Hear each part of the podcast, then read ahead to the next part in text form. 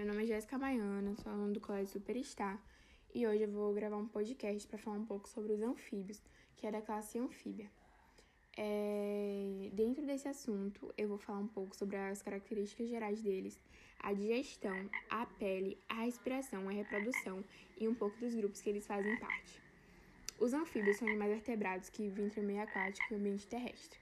Eles mantêm uma forte vinculação com a água e eles jamais podem se afastar porque eles precisam bastante manter a pele úmida. A fecundação desses animais geralmente é externa e ocorre na água. Os anfíbios normalmente vivem em água doce, entretanto, duas exceções, que é a rã comedora de caranguejos, que vive no ambiente marinho, e a ranguadeira, que vive no deserto australiano. Agora eu vou comentar um pouco sobre as principais características deles.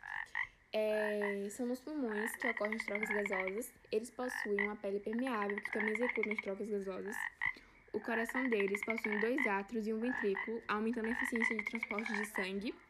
Eles possuem tímpanos, que é uma membrana que vibra com o som e remete estímulos para as estruturas nervosas do ouvido. E possuem pálpebras que protegem os olhos e realizam sua limpeza. Eles também possuem patas bem definidas.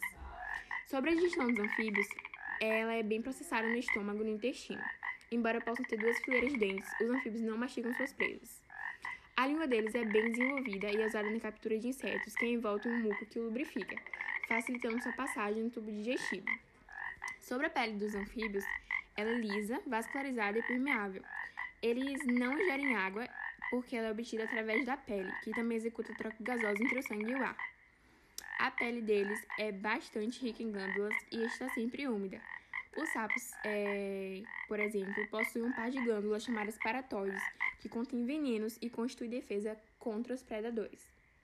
Sobre a respiração dos anfíbios, é, nos adultos ocorre por meio de três estruturas: os pulmões, a pele e na mucosa, que é da boca e da faringe.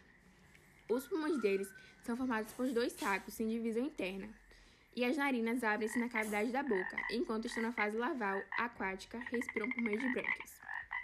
Agora, sobre a respiração dos anfíbios, ela é sexuada, geralmente com figuração externa, onde a fêmea elimina os ovos na água e o macho sempre despeja os espermatozoides sobre eles.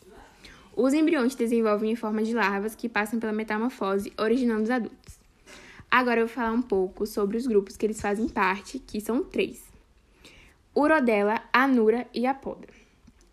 É, sobre o grupo Urodela ou Caudata, essa ordem é constituída por anfíbios que possuem cauda, a qual é geralmente maior do tamanho do corpo do animal. Como exemplos, temos as salamandras e os tritões. O corpo desses animais geralmente é longilíneo e apresenta membros anteriores e posteriores com tamanhos diferentes. Algumas espécies vivem toda a vida na água e outras vivem nesse ambiente apenas durante a fase larval. Sobre a Nura, é a ordem mais destacada por ser mais diversificada e conhecida de anfíbio. Nesse grupo estão inclusos sapos, rãs, pererecas, animais que diretamente, diferentemente, não possuem cauda.